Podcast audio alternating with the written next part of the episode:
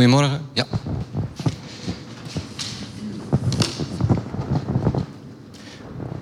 Mooi, hele goede morgen allemaal.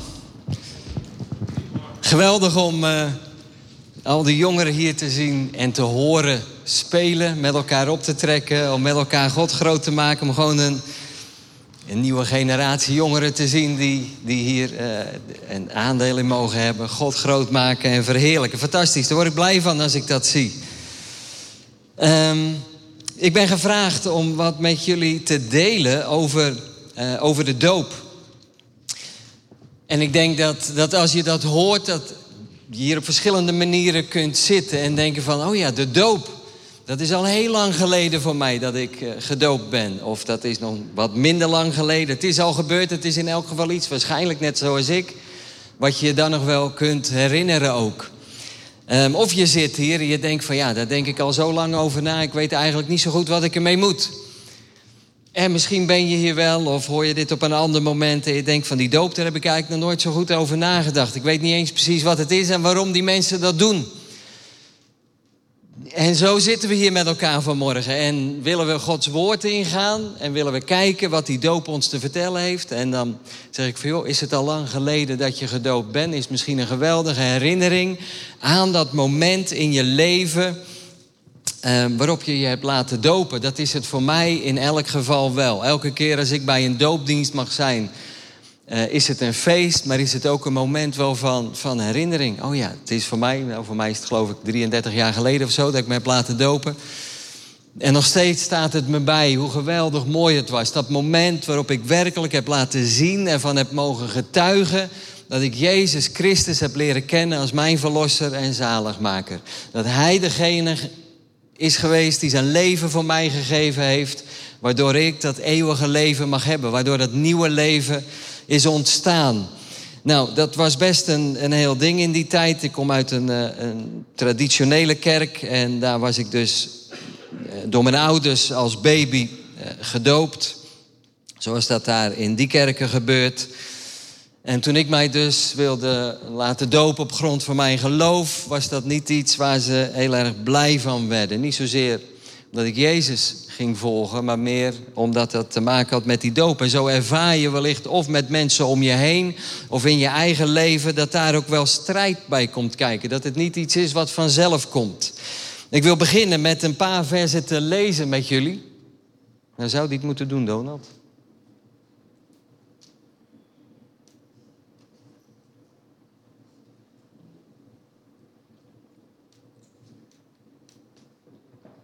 Sorry?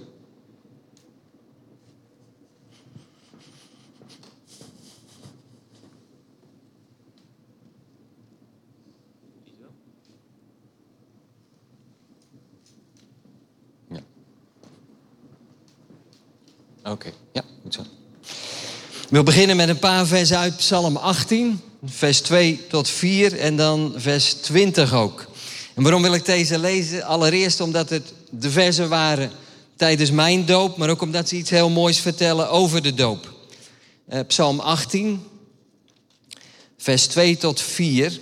En dat gaat over, over uh, David die bevrijd is van uh, zijn vijand, in dit geval koning Saul. Um, en dan roept hij God aan. En dan zegt hij in vers 2, hij zei, God, ik hou heel erg veel van u, mijn Heer. U geeft mij kracht. Heer, u bent de rots onder mijn voeten de burcht waar ik veilig ben, mijn bevrijder. U bent mijn God, de rots waarop ik kan vertrouwen. Het schild dat mij beschermt, mijn redder, mijn sterke toren waarin ik veilig ben. David wist bij wie hij terecht kon op het moment dat hij het moeilijk had. Hij kende God als degene die hem beschermde en degene die hem bevrijdde. Nou, dan gaan we naar vers 20. En dan lezen we daar, ze vielen me aan, die vijanden van David. Toen ik zwak was, maar de Heere die hielp mij. Hij bevrijdde me en gaf me weer ruimte. Hij redde mij omdat hij van mij houdt. Nou, dat vers was mijn doopvers. Hij bevrijdde me en gaf me weer ruimte. Hij heeft mij in de ruimte gesteld. Dat is wat God doet. Door het zenden van zijn zoon Jezus Christus, die voor ons gestorven is, bevrijd van de zonde, stelt Hij ons in de ruimte. Dat is dat geweldige nieuws wat we ontvangen hebben. Dat is het geweldige nieuws wat we mogen laten zien als we ons laten dopen. Bevrijd van de zonde. En toch is dat niet altijd makkelijk. Ehm, maar wel iets heel belangrijks. Ik wil jullie een paar dingen laten zien. Neem je even mee een beetje rond de wereld. Uh, voor andere mensen voor wie het ook niet makkelijk is. Soms heel praktisch. Soms ook omdat het geestelijk een strijd is waar ze mee te maken hebben. Um, ik wil jullie even een heel kort filmpje laten zien van uh, een heel koud gedeelte van de wereld waar mensen zich ook laten dopen. Er is geen geluid bij, had het nog mooier geweest, maar de beelden die zeggen genoeg.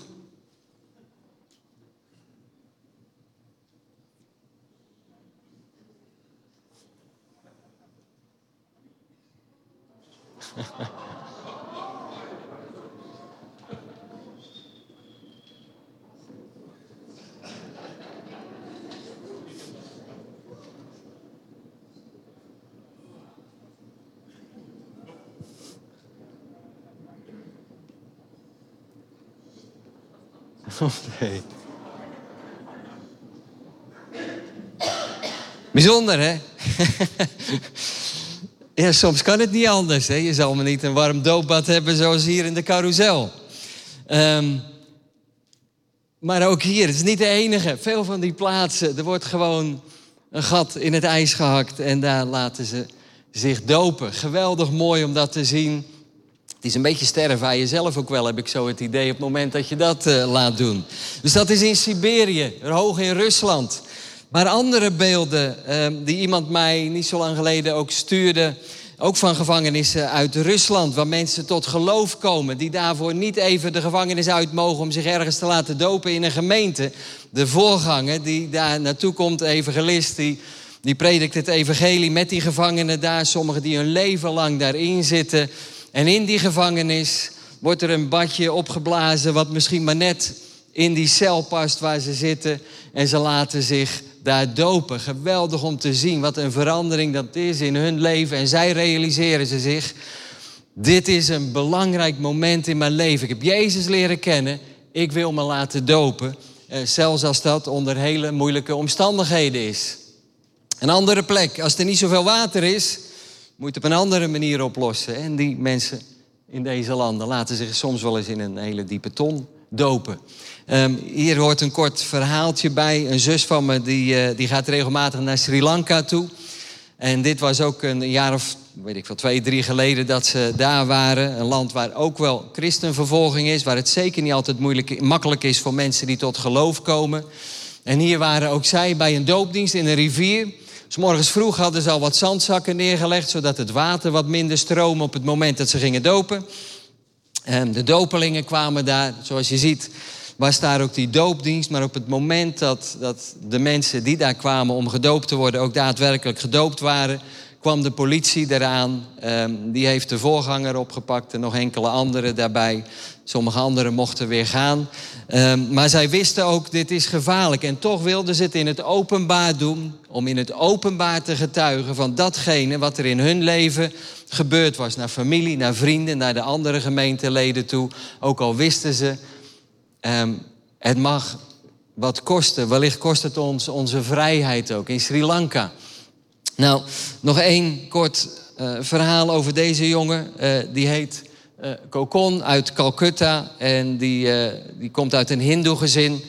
En hindoes die hebben heel veel goden. Letterlijk honderdduizenden die daar aanbeden worden. Ook dat was de gewoonte in het gezin van zijn familie. En toen hij op een gegeven moment thuis kwam en vertelde dat hij Jezus had leren kennen...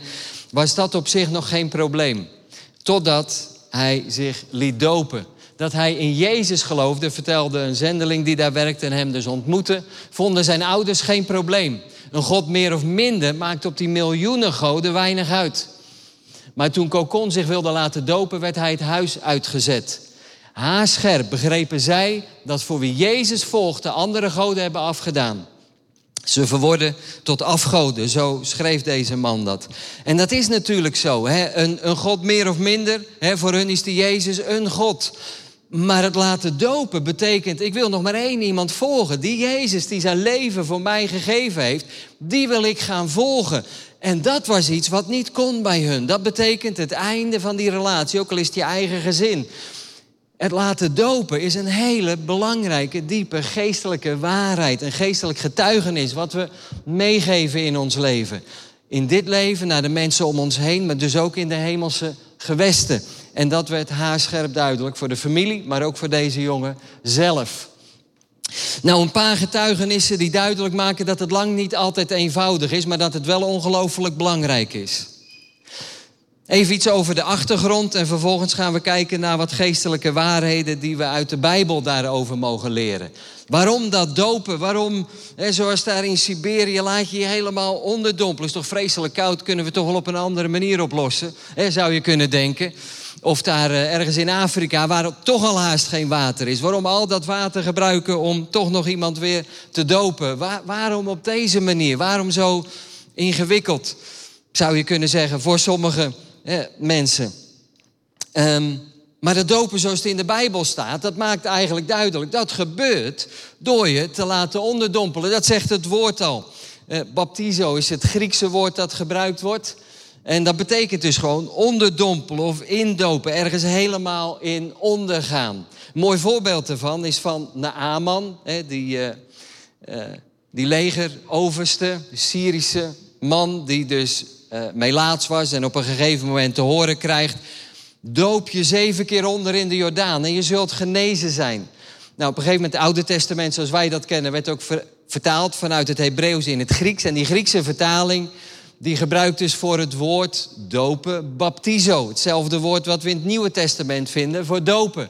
Hetzelfde woord wat gebruikt wordt voor Jezus doop. Jezus die onderging in de Jordaan, die zich liet dopen en er uiteindelijk ook weer uitkwam. Het woord baptizo wordt daar gebruikt en dan staat er, hij steeg ook weer op uit het water. Hij ging erin onder en hij steeg weer op. Ook Jezus liet dat doen.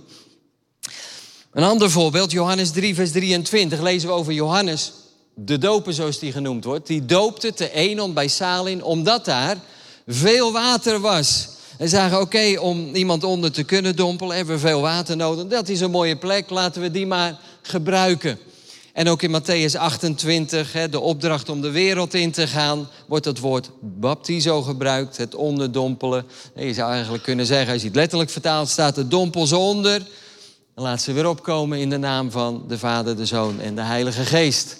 En dan hebben we nog die eunuch uit Ethiopië, die in Jeruzalem was geweest, op de terugweg een boekrol van Jezaja leest. Geen idee heeft wat hij daar leest. Filippus die komt erbij, die legt hem uit wat het is. Hij gaat begrijpen wie Jezus Christus is. Hij wil gedoopt worden. Op een gegeven moment ziet hij water en zegt, wat houdt ons tegen? Zie, daar is water. Een mooie plek om gedoopt te worden. Zomaar een aantal voorbeelden die duidelijk maken vanuit de Bijbel waarom dat dopen dus blijkbaar echt door onderdompeling gebeurt. Nou is de vraag natuurlijk, ehm, maar waar komt dat dan vandaan? Was dat iets nieuws bij Johannes de Doper? Had God hem misschien in de woestijn laten zien? Johannes, we gaan iets heel nieuws doen dat was niet zo. Het was niet iets wat opeens met de komst van de Heer Jezus Christus nieuw ingesteld was, wat niet eerder bekend was. In elk geval bij de Joden. Want ehm, we kennen het mikwa en dat is een reinigingsritueel. Ehm, waarin een persoon geheel ondergedompeld werd om zich te laten reinigen. En daarna weer uit dat water omhoog gereinigd uh, te zijn. Eh, we zien dat bijvoorbeeld bij de reiniging van priesters die ingewijd werden. Voordat ze ingewijd werden, ondergingen ze dat ritueel. Maar ook heidenen die zich, eigenlijk zou je kunnen zeggen, bekeerden tot het jodendom. Eigenlijk zich aan wilden sluiten bij de joden. Die moesten dat reinigingsritueel onder andere ondergaan. Om uiteindelijk werkelijk deel te worden van dat volk. dat waren proselyten of dat proselyten, dat werden jodengenoten. Nieuw geboren. Eigenlijk door dat bad van de wedergeboorte. Zo werd het ook wel genoemd. Dus het was niet iets nieuws. De Joden, die dus op een gegeven moment Johannes zagen dopen, die wisten waar dat vandaan kwam. Ze kenden het al als een reinigingsritueel. Maar nu zegt Johannes, jullie moeten je bekeren. Jullie moeten op een hele andere manier gaan leven. Jullie moeten je tot God keren. En als je dat doet, dan ga je met Hem leven. Het betekent dus eigenlijk een reiniging van een verkeerd leven. Dat kenden ze, dat herkenden ze op het moment dat Johannes ging dopen in de Jordaan. Nou, ben ik een aantal jaren geleden eens in Efeze geweest. Want dan zou je ook nog kunnen zeggen: oké, maar, maar bleef dat dan daarna? Was dat iets wat ook verder hè, in het Nieuwe Testament en na het Nieuwe Testament door de eeuwen heen gebeurde? Nou, toen ik in Turkije was, was ik ook in, eh, in Efeze. En daar heb je de Johannesbasiliek, in elk geval de restanten daarvan, de ruïnes. En daar is een heel mooi doopbad gevonden. Het is in de vorm van een kruis, zoals je dat daar ziet. En aan de ene kant gingen ze erin, dan werden ze gedoopt. En aan de andere kant kwamen ze, zou je kunnen zeggen, gereinigd er weer uit. Prachtig beeld. De vorm van een kruis. Ben met Christus gestorven. Ik sta weer op in dat nieuwe leven. Een hele oude basiliek, een hele oude grote kerk waarin in die fundamenten dat nog weer teruggevonden is. Prachtig beeld. Ehm, maar nu hebben we daar een beetje achtergrond bij en zeggen: oké, maar wat is nou eigenlijk die geestelijke betekenis? Waarom is dat zo belangrijk? Wat, wat zegt het voor ons geestelijk in onze wandel met de Heer Jezus Christus? Nou, laten we eens gaan kijken naar een paar gedeeltes die daarin belangrijk zijn. Allereerst is het niet ingewikkelder dan dat het is. We hebben het ook gewoon ontvangen als een opdracht om te doen. Jezus die zei tegen zijn discipelen voordat hij terugkeerde naar de hemel: ga dus op weg, ga op pad, maak leerlingen en doop hen. Er staat nog meer, maar het gaat me nu even om dit stukje. Hij zei: ga op weg. Zorg dat ze mij leren kennen, dat ze mij gaan volgen, dat ze weten wie ik ben, wat ik voor hun gedaan heb. En doop ze. En leer ze vervolgens ook onderhouden alles wat ik u geboden heb. Um, Handelingen 2, vers 38 en 39. Prachtig stukje. Na Pinksteren, op die Pinksterdag als de Heilige Geest komt. Petrus die vervuld wordt met de Heilige Geest. En die daar op dat moment die menigte die samengekomen is toespreekt.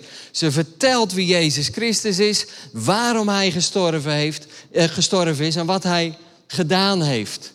Nou, dan predikt hij dat evangelie. Het raakt die mensen geweldig. En dan vragen ze aan hem, wat moeten we doen? Als we dit horen, wat betekent dat voor ons? Wat moeten we doen, Petrus? En dan zegt hij, verander je leven, geloof in, in Jezus en laat je allemaal dopen in Jezus' naam. Hij zegt, dat is wat er van je gevraagd wordt. Verander je leven, hè? bekeer je, staat er eigenlijk, zou je kunnen zeggen. Laat dat oude leven van je achter. Geloof in Jezus en laat je dopen. Het staat niet los van elkaar. Het is niet iets, het ene doen we wel en het andere, ja, dat vind ik een beetje vreemd. Of ik weet niet goed wat ik ermee moet en dat laat ik dan vervolgens maar zitten. Nee, op grond van ons geloof laten we ons dopen. Dat is wat Petrus daar zegt. En dan zullen jullie vergeving voor jullie ongehoorzaamheid van God ontvangen. En je zult de Heilige Geest ontvangen. Dat is wat het is. Dat is hoe het bij elkaar hoort. Je bekeert je, je laat je dopen en je zult de Heilige Geest ontvangen. Als antwoord op de vraag, wat moeten we doen? Het is niet ingewikkelder dan dat, zegt Petrus. Het is niet heel veel. Dit is wat er mag gebeuren. En Tweede, het gaat dus uiteindelijk om het, om het rein worden, om het schoonwas. Het is een geestelijk beeld. Het is eigenlijk een symbool van datgene wat er in ons leven gebeurt. Wat er binnenin ons verandert. Op een gegeven moment is daar hè, Paulus, die heette eerst nog Saulus. Die vervolgt de christenen die er zijn. Hij begrijpt niet wie Jezus Christus is. Het past niet in zijn denken. En hij wil ze in de gevangenis laten gooien. Onderweg naar Damascus heeft hij een ontmoeting met Jezus. En dan wordt hij als het ware verblind. En zo is hij een aantal dagen verblind in Damascus totdat hij Ananias ontmoet. Een profeet die door God gezonden is om aan Paulus te vertellen dat zijn leven radicaal verandert. Nou, hij zegt daar zelf over in Handelingen 22 dat Ananias zegt: Saul, broeder, ik wil dat je weer kan zien. Op hetzelfde moment kon hij zien. Dat was letterlijk zo. Hij was verblind, maar hij kon ook geestelijk zien. Hij was gaan ontdekken wie Jezus is. En nu wilde hij hem gaan volgen. En die Ananias zei: De God van onze voorouders heeft jou van tevoren al een taak gegeven. Paulus, Saulus nog in die tijd, je bent geroepen. Want jij moet aan alle mensen over hem, over Jezus gaan vertellen. Je moet alles gaan vertellen wat je hebt gezien en gehoord. Van vervolger wordt hij degene die het evangelie verkondigt.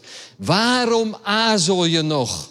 Sta op en laat je dopen. Laat zo je gehoorzaamheid aan God van je afwassen Saulus, als teken van jouw gehoorzaamheid, als teken van jouw geloof in Jezus Christus, roep ik je op om je te laten dopen. Twijfel niet.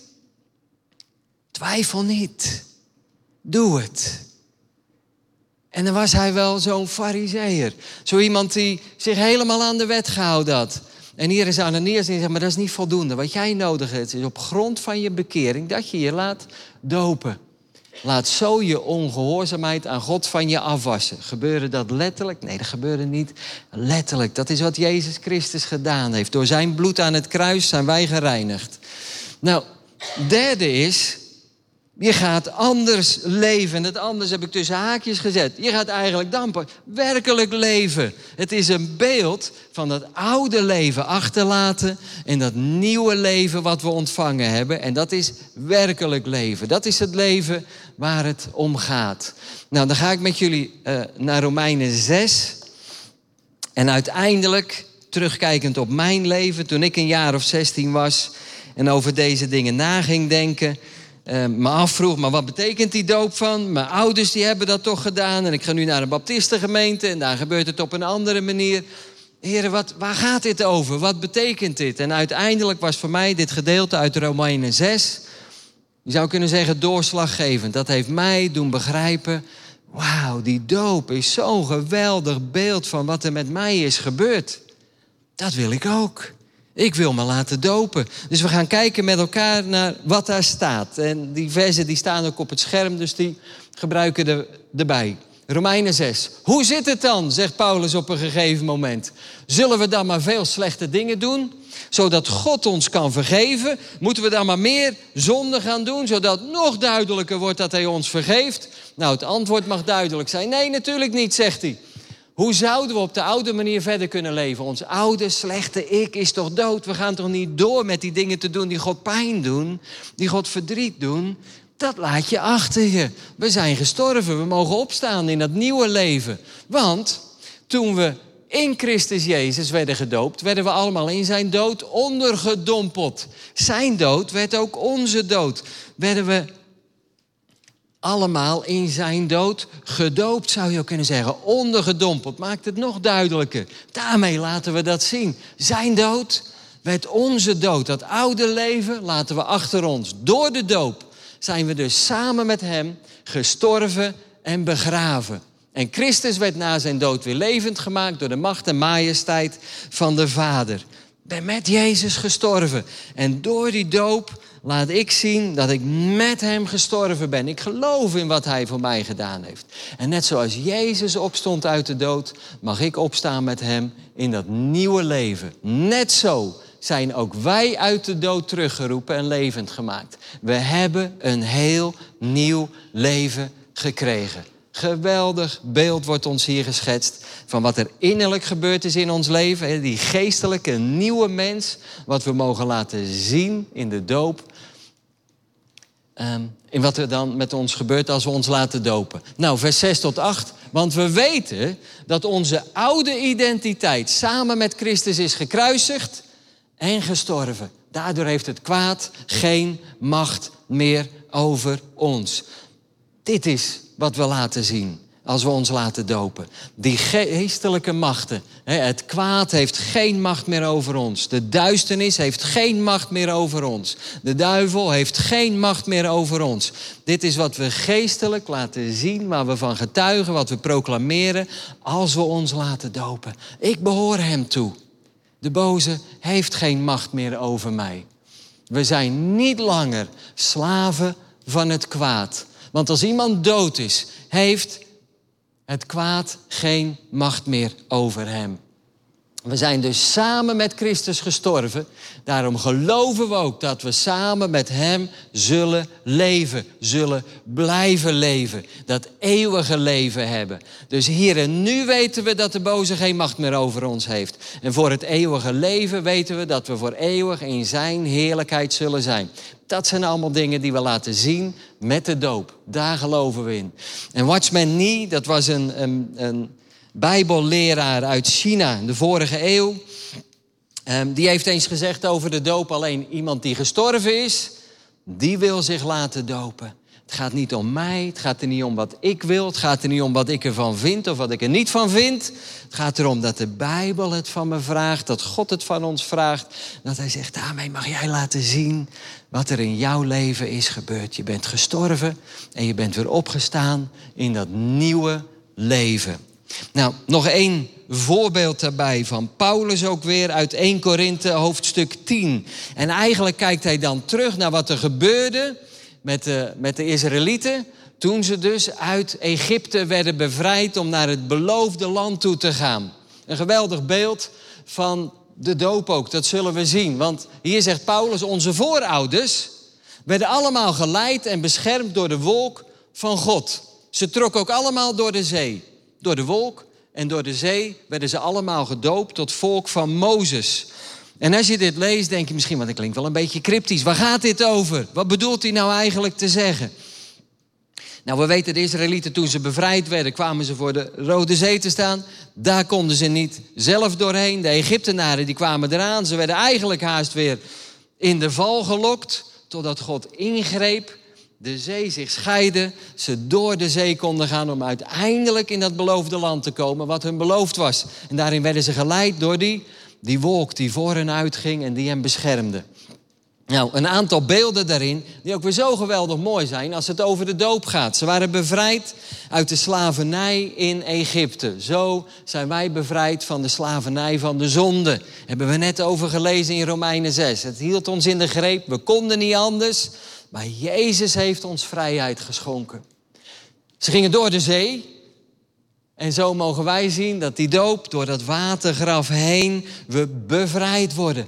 We onderweg zijn naar dat beloofde land. Hè? En daar staat er, ze zijn in Mozes gedoopt, hun verlosser en leider. Mozes die, sloeg, die liet met zijn staf zien en toen scheidde dat water. Maar uiteindelijk is het God die het doet natuurlijk. Maar Mozes was hun leider. Zo mogen wij weten dat Jezus Christus onze leidsman wordt. Het is Jezus die het voor ons gedaan heeft. Dat hebben we net gelezen. En zo gingen zij onderweg naar dat beloofde land. Ze kwamen nog heel wat obstakels tegen. Zo kunnen wij heel wat obstakels tegenkomen in ons leven. Maar ze zijn onderweg. We hebben dat nieuwe leven. Niet in Mozes, maar in Jezus Christus. Dat is de belofte die we hebben. Ondanks tegenslagen misschien hier, ondanks moeite misschien die we ervaren, weten we dat dat beloofde land, die heerlijkheid met Hem, voor ons beloofd is en dat dat op ons wacht. Nou, ze werden geleid en beschermd door de heerlijkheid van God. Een vervulling met de Heilige Geest. Vervuld met de Heilige Geest. Zo werden zij geleid door de wolk, overdag als schaduw, s'nachts als licht om ze verder te leiden, om ze te helpen. Zo zijn wij vervuld met de Heilige Geest. En is het de wolk en het water, zo staat er, eh, waardoor ze dus eigenlijk die doop lieten zien. Vervulling met Gods Geest en doop op grond van ons geloof. Die bevrijding uit Egypte, door de Rode Zee, naar het beloofde land is een geweldig beeld van de doop, zoals Paulus dat ook gebruikt in 1 Korinthe hoofdstuk 10. Het gaat om een nieuw begin, een nieuwe identiteit en een hoopvolle toekomst. Dat is voor ons weggelegd en dat is wat we laten zien. Nou, ik sluit af eigenlijk met een soort van samenvatting zou je kunnen zeggen. Waar hebben we het over gehad en wat zijn dan eigenlijk, en die zouden nog wel meer kunnen geven hoor, maar ik heb er hier zeven zeven geestelijke waarheden als we het hebben over de doop. De eerste, het is het beeld van de afwassing van onze zonde. Jezus Christus reinigt ons van onze zonde doordat Hij voor ons gestorven is aan het kruis. Het is een beeld van de afwassing van de zonde. Wij worden met Christus begraven. Zo staat dat daar letterlijk. Dat oude leven, dat leggen we als het ware af. En als het begraven is, dan graven we het niet meer op. Dat is gestorven. We staan op en we wandelen in een nieuw leven met Jezus Christus. Dat nieuwe leven, dat hebben we ontvangen. Daar hebben we over gelezen in Romeinen 6. En dan zegt Paulus in Galaten, we worden als het ware bekleed met Christus. Het aandoen van die nieuwe mens. Kleren bepalen voor een deel, zeker bij een bepaalde groep mensen, onze identiteit. Nou, onze identiteit vinden we in Christus. We bekleden ons als het ware met Christus. Wij identificeren ons met Hem. Als anderen ons zien, dan zien ze iets van Jezus Christus. Als ze ons horen spreken, dan horen ze Jezus Christus. Als ze ons ervaren in ons leven, oh, dan mag het ons gebed zijn dat er iets van Jezus geproefd wordt. De vijfde, we worden gevoegd bij Christus en erkennen het gezag van Christus, die als de opgezane Heer onze leidsman is. Wij ervaren en leven uit dat gezag van Jezus Christus. Hij gaat voor ons uit. Ik ga niet voor Hem uit en vraag Hem om het vervolgens te zegenen. Hij gaat voor ons uit. Hij is onze leidsman. Zoals het leiderschap van Mozes tijdens de reis door de woestijn. De zesde, we ontvangen een plaats als onderdanen of als discipelen of als dienstknechten in het koninkrijk van God.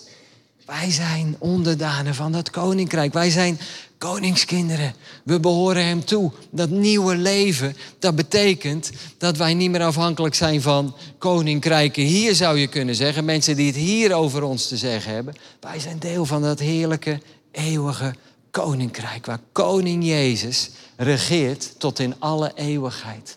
En de laatste, wij worden hiermee in verbinding gebracht met de waarachtige en levende God. Zoals Hij zich in het Nieuwe Testament heeft geopenbaard. Als Vader, Zoon en Heilige Geest. Wauw. We mogen Hem kennen als onze Vader. Jezus is degene die zijn leven voor ons gegeven heeft. En de Heilige Geest die woont in ons. Dat is wat er gebeurt op het moment dat we Jezus Christus leren kennen. Dat is wat er gebeurt als we ons laten dopen. En daarom is het zo'n geweldig beeld en getuigenis naar mensen om ons heen en in de geestelijke gewesten. Ik behoor Jezus toe. En het leven wat ik nu nog leef, dat leef ik niet langer voor mezelf, maar dat leef ik met Hem. Zo zegt Paulus dat in Galaten 2, vers 20. Ik ben met Christus gekruisigd. En ik leef niet meer, maar Christus leeft in mij. En voor zover ik nu in het vlees leef, leef ik door het geloof in de Zoon van God, die mij heeft liefgehad en zijn leven voor mij gegeven heeft. Dat is waar het om gaat. Dat is de kern van het evangelie. Dat is wat we laten zien met de doop. Het is een vogelvlucht waar we doorheen gegaan zijn. Het is geweldig mooi. En wellicht is het iets waarvan je zegt van ja, daarom heb ik ooit die keus gemaakt. Daarvoor heb ik mij laten dopen, omdat ik werkelijk met Jezus wil leven. En als dit een moment is waarop je denkt van nou, ik weet het allemaal nog niet zo goed, laat het goed tot je doordringen. Als je Jezus Christus werkelijk hebt leren kennen, dan is het eigenlijk met wat Petrus zei. Tegen de mensen die aan hem vroegen, wat moeten we doen? Bekeer u en laat u dopen. Het is gewoon iets wat we mogen laten doen en het zal je kracht geven in het leven hier en nu.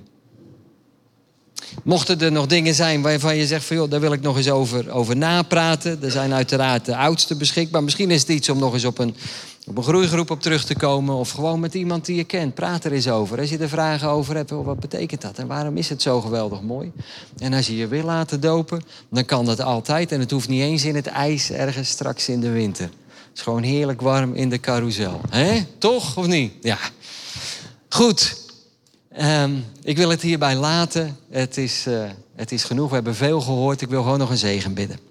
Lieve Vader in de hemel, we zijn u dankbaar voor wie u bent. We zijn u dankbaar voor het beeld van de doop. Voor de geestelijke waarheid die daarin zit. Dat we met Jezus Christus gestorven zijn en opgestaan zijn in een nieuw leven. Dat we niet langer voor onszelf leven, maar met u en voor u. Dank u daarvoor. Dank u dat u ons wilt leiden, dat u ons wilt helpen. En heren, als het, als het een strijd is voor sommigen om zich te laten dopen, dan mag hier ook uit blijken waarom dat een strijd is. Maar Heer, het is zo geweldig mooi als het gebeurt, omdat we daarmee laten zien wat u al lang in ons leven hebt gedaan. Heer, ik wil u vragen dat we elke dag weer op mogen staan, s'morgens ook met die blijdschap, te weten wie u bent. Dat u voor ons zorgt en dat u van ons houdt. En ik wil u bidden, Heer, dat als ze zijn die Jezus Christus nog niet kennen als verlosser en zaligmaker, dat ze hun leven aan u zullen geven. Om zo die geweldige hoop en die geweldige toekomst samen met u te mogen hebben. die hier en nu dan al start. Dit vragen wij u uit genade alleen. Amen. Amen.